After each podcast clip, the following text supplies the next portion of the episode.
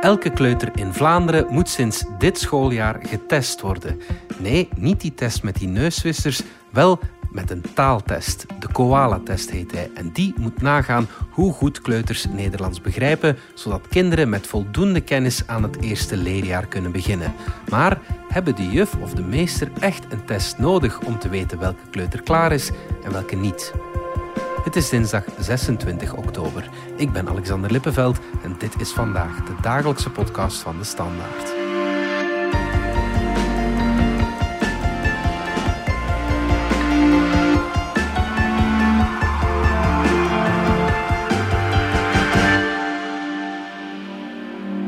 Klaas Maanhout van onze binnenlandredactie. Wat is dat nu juist, die koala-test? Wel, uh, dit schooljaar worden eigenlijk voor het eerst uh, alle kinderen in onze derde kleuterklas uh, onderworpen aan een soort van centrale toets. Dus iedereen, elke vijfjarige, krijgt dezelfde toets. Um, en die koala-toets ja, die bestaat eigenlijk uit drie soorten opdrachtjes. Ze zijn de, eerst en vooral de doe-opdrachten, maar ook zoek- en kiesopdrachtjes. Een van de voorbeelden is bijvoorbeeld bij de doe-opdrachten dat een ja, juf of meester vraagt aan de kinderen om verschillende handelingen met een bijvoorbeeld hoepel uit te voeren. En uh, dat is echt heel basic hoor. Bijvoorbeeld ga in de hoepel staan of uh, hou de hoepel boven je hoofd.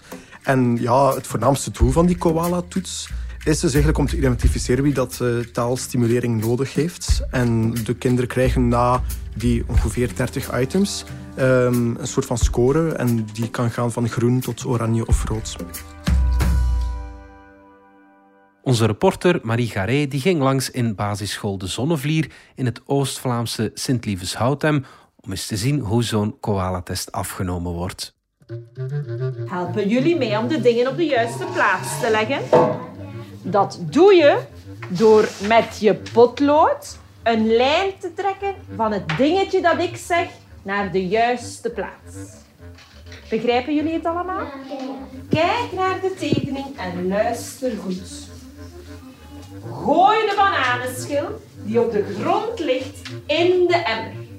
Neem je potlood en trek een lijn van de bananenschil naar de juiste plaats. Ik ga eens komen piepen. Hè. Zo, dikke duim. Gaan we verder? Ja. Hang de jas die aan de stoel hangt aan de kapstok in de hang.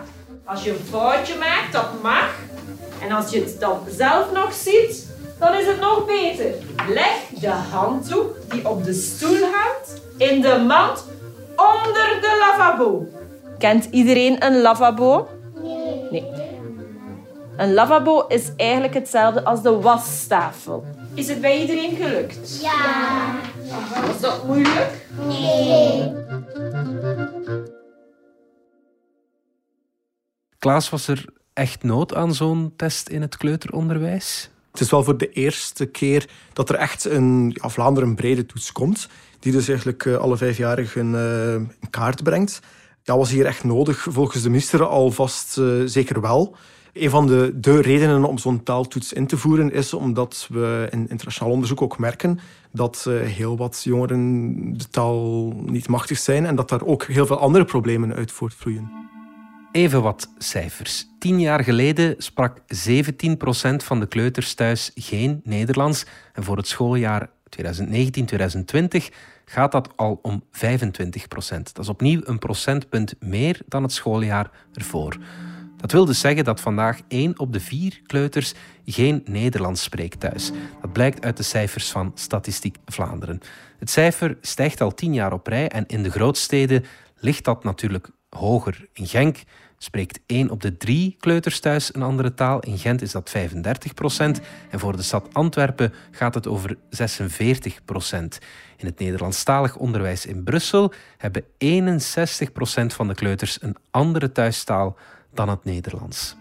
Klaas, als je de taal niet machtig bent, zijn alle vakken of alle leerinhouden op school natuurlijk moeilijk bekende zinnetjes van Jan koopt vijf appels van 3 euro en betaalt met 20 euro. Hoeveel geld krijgt hij dan terug? Het is misschien wiskunde, maar zonder goede kennis van het Nederlands gaat dat nooit lukken. Hè?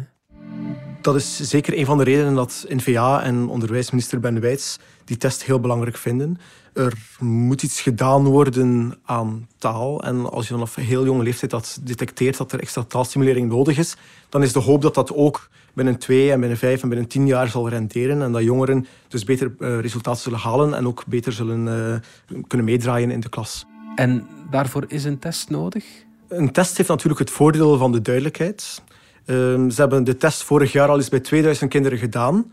En ook op voorhand bij elke leerkracht gevraagd van wat denk je nu dat het resultaat zal zijn bij dit kind? Ja, en blijkt natuurlijk dat heel veel leerkrachten uh, perfect kunnen inschatten wie de kinderen zijn die extra stimulering nodig hebben. De kinderen die al perfect de taal beheersen.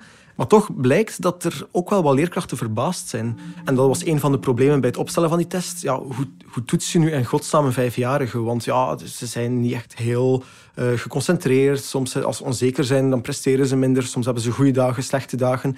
En ze hebben in deze test eigenlijk vooral op luistervaardigheid opgebouwd. En dat blijkt wel een vrij goede voorspeller te zijn om te kijken van hoe beheers je nu de taal. Blijkt dus dat sommige leerlingen, en dat was dan de verrassing van de leerkracht, wel perfect in staat zijn om alles uit te voeren, maar in de klas misschien niet altijd aangeven dat ze wel alles begrepen hebben. Dus in dat opzicht is het een objectievere meter dan gewoon voortgaan op de inschatting van de leerkracht. We vroegen aan juf Chris en juf Jolien van de Zonnevlier of zo'n koala-test wel nodig is. Ja, een test blijft natuurlijk altijd een momentopname. Um, dat is zo'n beetje uh, twee kanten, maar voor de juf of de leerkracht kan dat wel een meerwaarde betekenen om te zien op welke dingen dan ze nog een beetje uitvallen, zodanig dat je kan je activiteiten daaraan aanpassen. Ja, het is ook vaak een bevestiging van wat je eigenlijk al weet. Kleuterleerkrachten die zijn zodanig gewoon van te observeren en, en daar iets mee te, met te gaan doen, dat dat eigenlijk vaak gewoon een bevestiging is van wat je al weet. Dat is nog altijd de manier om je kleuters beter te leren, te leren kennen. Dat is observatie in de klas. Dagelijks, dagelijks, dagelijks. Ja, we zijn spuurneuzen. Ja. En ogen, ogen overal hebben en alles zien en, en dan ook wel opschrijven. Dus ja, observatie in de klas blijft nog altijd het, de, de manier om eigenlijk uw kleuters echt te leren kennen. Klaas, sommige pedagogen zijn tegen het idee dat je zo'n jonge kinderen al opzadelt met een test. Krijgen de kleuters daar stress van? Ik denk dat dat een heel terechte vrees was. En ik heb ook met Chris van den Branden, die de test ontwikkeld heeft, aan de KU Leuven gesproken. En zij zijn er wel van overtuigd dat dit geen test is waar ouders of leerlingen of leerkrachten schrik van moeten hebben. Ze hebben ervoor gezorgd dat het leuke opdrachtjes, dat het heel kleurrijke prenten zijn. En zo hopen ze toch een beetje stress weg te halen bij de leerlingen. Het is ook niet de bedoeling dat het echt aanvoelt als een toets. De meeste opdrachtjes zijn eigenlijk heel spelenderwijs. Er zijn normaal gezien ook dingen die ze wel al vaker doen in de klas. En dat zorgt er ook voor dat je niet echt uh, heel veel stress bij die leerlingen en bij de leerkracht legt. En dan bleek ook wel uit die studie van 2000 leerlingen dat sommige kinderen het heel leuk vinden dat ze al voor het eerst echt zo leerling mogen zijn in het eerste leerjaar en dan aan een bankje bepaalde opdrachtjes moeten uitoefenen. Een heel klein beetje stress, dat kan eigenlijk geen kwaad. Dat zeggen juf Chris en juf Jolien. Als de kinderen op voorhand zouden weten, dan misschien wel. Dan de ouders er meer druk zouden opleggen. Maar uh, dat wordt nooit meegedeeld van wij gaan nu een test doen of uh, maandag is er een test. Ja, als ouders dat op voorhand weten, dan automatisch, ik ben ook mama, dan gaat automatisch wat tegen je kind zeggen van doe je best en luisteren en, en dit en, dat en, en stilzitten en, en ja, zo die dingen. Dat geeft stress, maar als je dat ja, ik, ik heb dat nu wel in de klas even vernoemd van kijk, we gaan een, een testje doen, een, een screening doen en verteld waarom dat we dat doen. En ja, de kinderen zo'n beetje de, het enthousiasme aanwakkeren en dat doet wel heel veel. Maar ik heb nu eigenlijk geen stress ondervonden bij de kinderen. En ook een beetje stress kan altijd wel uh, nuttig zijn om u te focussen en om uh, het, het, goed te willen doen. Fouten maken mogen ze altijd doen. En het is niet altijd zo dat je moet uh, met, de, allez, met zachte hand, of moet je zeggen, dat doen. Het mag een beetje, kom aan, we gaan ons best doen en we gaan ons focussen. En uh, zo leren ze ook wel een beetje omgaan met een klein beetje druk. De test vindt plaats begin van het schooljaar, in oktober, november. Klaas, is dat niet veel te vroeg? Eerst en vooral bijvoorbeeld zouden hem niet te snel zetten in september, omdat bijvoorbeeld jongeren die ouders hebben met een andere thuistaal, die hebben dan vaak in de grote vakantie twee maanden heel weinig of geen Nederlands gesproken. Als je die begin september afneemt, heb je een nog uh, grotere vertekening. Ze hebben er ook voor gekozen, denk ik, voor dit moment, omdat ze dit ook echt als een soort van signaal zien om er dan nog mee aan de slag te gaan. En natuurlijk, als je tegen het einde van het jaar een leerling van rood naar oranje of van oranje naar groen wil begeleiden, heb je natuurlijk wat tijd nodig voor die extra taalstimulering. En ik denk dat het daarom wel heel belangrijk was om eh, dat voor de kerstvakantie te doen. Waar leidt die koala-test toe? Wat is de volgende stap dan? Bij die 2000 leerlingen die ze vorig jaar getoetst hebben, uh, had ze 75% ongeveer groen. En dat gebeurt eigenlijk gewoon niets speciaals. 20% oranje en dat betekent dan dat er toch meer aandacht moet zijn voor taalstimulering. En code rood, dat betekent dan een intensieve uh, taalstimulering. Het is maar een test, dus eigenlijk minstens even belangrijk als de koorts meten is wat je er dan mee doet. Hè. En wat zal er gebeuren met zwakkere leerlingen? En dat, dat was iets waar tot heel veel discussie leidde. Aanvankelijk werd gezegd dat wie slecht scoorde op die toets echt een taalbad ging moeten hebben een jaar vooraleer hij naar het eerste leerjaar mocht. En dat werd ja, ook door NVA heel hard zo in de markt gezet. Nu is er ergens een soort van lijn ontwikkeld door onderzoekers aan de U Antwerpen.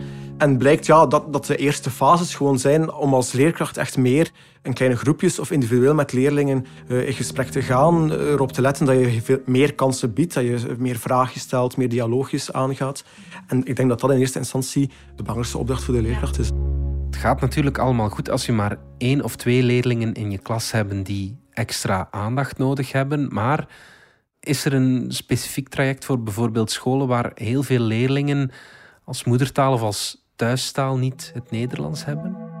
Wel, het is ten eerste belangrijk dat het niet per se is omdat je in een concentratieschool les volgt of les geeft, dat dat ook betekent dat er meer leerlingen code oranje of rood zullen hebben. Ik denk dat het onderzoekers heel hard hopen en ook wel zullen weten dat bepaalde scholen uh, heel sterk taalbeleid hebben op school en dat ook in concentratiescholen perfect heel goede scores kunnen uh, neergezet worden. Maar natuurlijk is het wel zo en dat vind ik ook wel een terechte opmerking van die Chris van den Branden. Uh, het is geen verhaal dat zich beperkt tot de derde kleuter. Het is niemand die kleuters op dat moment slecht scoren, duidelijk nood hebben aan taalstimulering. Dat dat het resultaat is van een leerkracht die er in de derde kleuterklas te weinig aandacht of tijd voor heeft. Het is echt, eh, ik denk, de hoop dat er op school toch over gesproken wordt, want de school zal de resultaten krijgen van de leerlingen. En dat er ergens een gesprek of een debat op gang komt van ja, hoe gaan wij ons uh, taalbeleid op school nu eigenlijk verbeteren of vormgeven toekoer. Ja, en is er een voordeel of een nadeel voor meertalige kinderen? Want we spreken alleen over het Nederlands. Er zijn ook veel kinderen in Vlaanderen die meerdere talen spreken, hè, al op vijfjarige leeftijd. Het is inderdaad niet zo dat een leerling in één taal maar twintig woorden kent en in een tweede taal misschien 500. En je toetst natuurlijk net op het Nederlands, dat, hij dan zogezegd een stempel krijgt als, als taalzwakke leerling, terwijl dat natuurlijk niets hoeft te betekenen. Maar aan de andere kant is het natuurlijk wel zo dat onze instructietaal in Vlaamse scholen Nederlands is. En ja, als die kleuter op tienjarige leeftijd geen vraagstukken kan oplossen omdat hij de vraagstelling niet begrijpt, ja, dan hebben we natuurlijk wel een wezenlijk probleem. En daarom vind ik dat er ook wel iets voor te zeggen valt om die toetsen in het Nederlands af te nemen. Toen de test gelanceerd werd, was niet iedereen even enthousiast. Wel, Afhankelijk was er wel wat tegenstand. Wie waren dan de tegenstanders? Wel, zowel verschillende pedagogen als de onderwijskoepels waren niet echt heel erg happig. En afhankelijk werd toch gevreesd dat dat echt een soort van filter zou zijn om de taalzwakke leerlingen, zoals dat gezegd werd, te scheiden van de taalsterke en die taalzwakke een jaar in een aparte klas te steken. En dat is dan een slecht idee? Wel, eh, pedagogen en onderwijsversterkers waren bang dat je op die manier niet echt uh, inclusiever aan onderwijs doet. Bestaat de vrees dat zwakkere leerlingen een stempel gaan krijgen? Ja, absoluut. En dat is ook een, een, vrees die echt wel leeft bij de onderzoekers die de test gemaakt hebben. Hoor. Het gevaar is natuurlijk dat leerkrachten en scholen er te veel waarde aan zullen hechten. En ja, dan, dan krijg je plots als leerling toch de stempel dat je taalzwak of taalsterk bent, terwijl dat een rode of oranje score enkel betekent dat je wat meer taalstimulering nodig hebt. Het is echt wel belangrijk dat je als school beseft dat het echt een momentopname is. Je kan de test bijvoorbeeld ook niet acht maanden later opnieuw doen. Daar raden de onderzoekers de sterkste af, net omdat kinderen heel snel ontwikkelen. En dat die toets eigenlijk zegt, iets zegt over het moment waarop toets wordt afgenomen zijn de oktober en niet juni. Dus die test opnieuw doen en dan zeggen van de leerling slaagt nu wel uh, en in oktober niet. Ja, maar die andere leerlingen staan dan al veel verder waarschijnlijk. En dus het zou een vertekend beeld geven als je die test opnieuw doet in juni. Dus ja, het is echt een test die kansen moet bieden aan leerlingen, eerder dan stempels drukken en leerlingen stigmatiseren als taalzwak. En de onderzoeker zegt zelfs, ik zou ervoor pleiten om nooit meer de woorden taalzwakke kleuter te gebruiken. Want ja, de kleuterklas is een taalbad uh, waar je ongelooflijk veel kansen krijgt om met taal bezig te zijn. En ja, leerlingen kunnen daar de spons zijn die ze zijn. Hè. We zijn terug na de reclame. De wereld verandert sneller dan ooit. Blijf bij met de Enterprise Cloud van Workday. Eén systeem waarmee u continu plant voor elk what-if scenario. Workday, het finance, HR en planningssysteem voor een veranderende wereld. We gaan nog even naar de zonnevlier, want de test is nog niet gedaan. Het is een nieuw testje dat wij nu doen. Jullie mogen nu één blaadje omdraaien. En wie staat daar nu op? Een konijn. Een konijn. In het bos spelen vier konijntjes samen. Ze wonen naast een beek onder een hele grote boom. Vlak bij het bos. Daar hebben ze hun holletje. Draai je blad nu om en dan zie je allemaal tekeningetjes. Waar is het hol van Paultje en zijn vrienden? Trek een kring rond de juiste tekening. Is iedereen klaar? Ja. Dan mag je jezelf een groot applaus geven.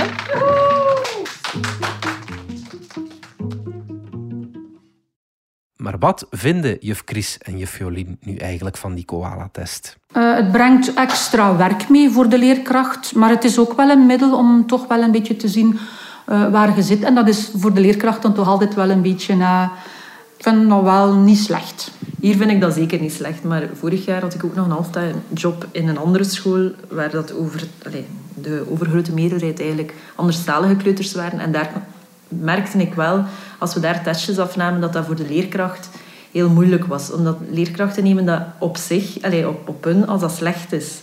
Ik denk dat soms meer stress is voor de leerkracht dan voor de kinderen. En dat moest ik er vorig jaar wel, want daar was ik dan zorgleerkracht, ook echt wel in pompen van, kijk, het is niet jullie dat we gaan screenen, het is echt de kinderen dat we screenen. En het is om de kinderen verder te brengen in hun ontwikkeling.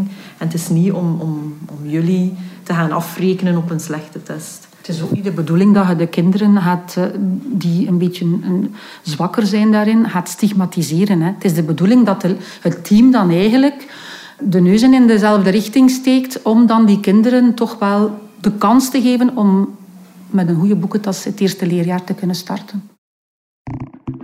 Klaas, de koala-test geeft bij het begin van het derde kleuterklasje aan hoe ver de taalontwikkeling staat van de kleuters. Maar hebben we niet eerder een test nodig om te kijken of kleuters klaar zijn voor het eerste leerjaar? Ik denk dat er voorlopig nog niet gedacht wordt aan een toets om nu te testen of een leerling klaar is voor het eerste leerjaar. Want die overgang tussen kleuter en leerjaar, ja, die wordt door zoveel dingen bepaald. Dat gaat ook over motoriek.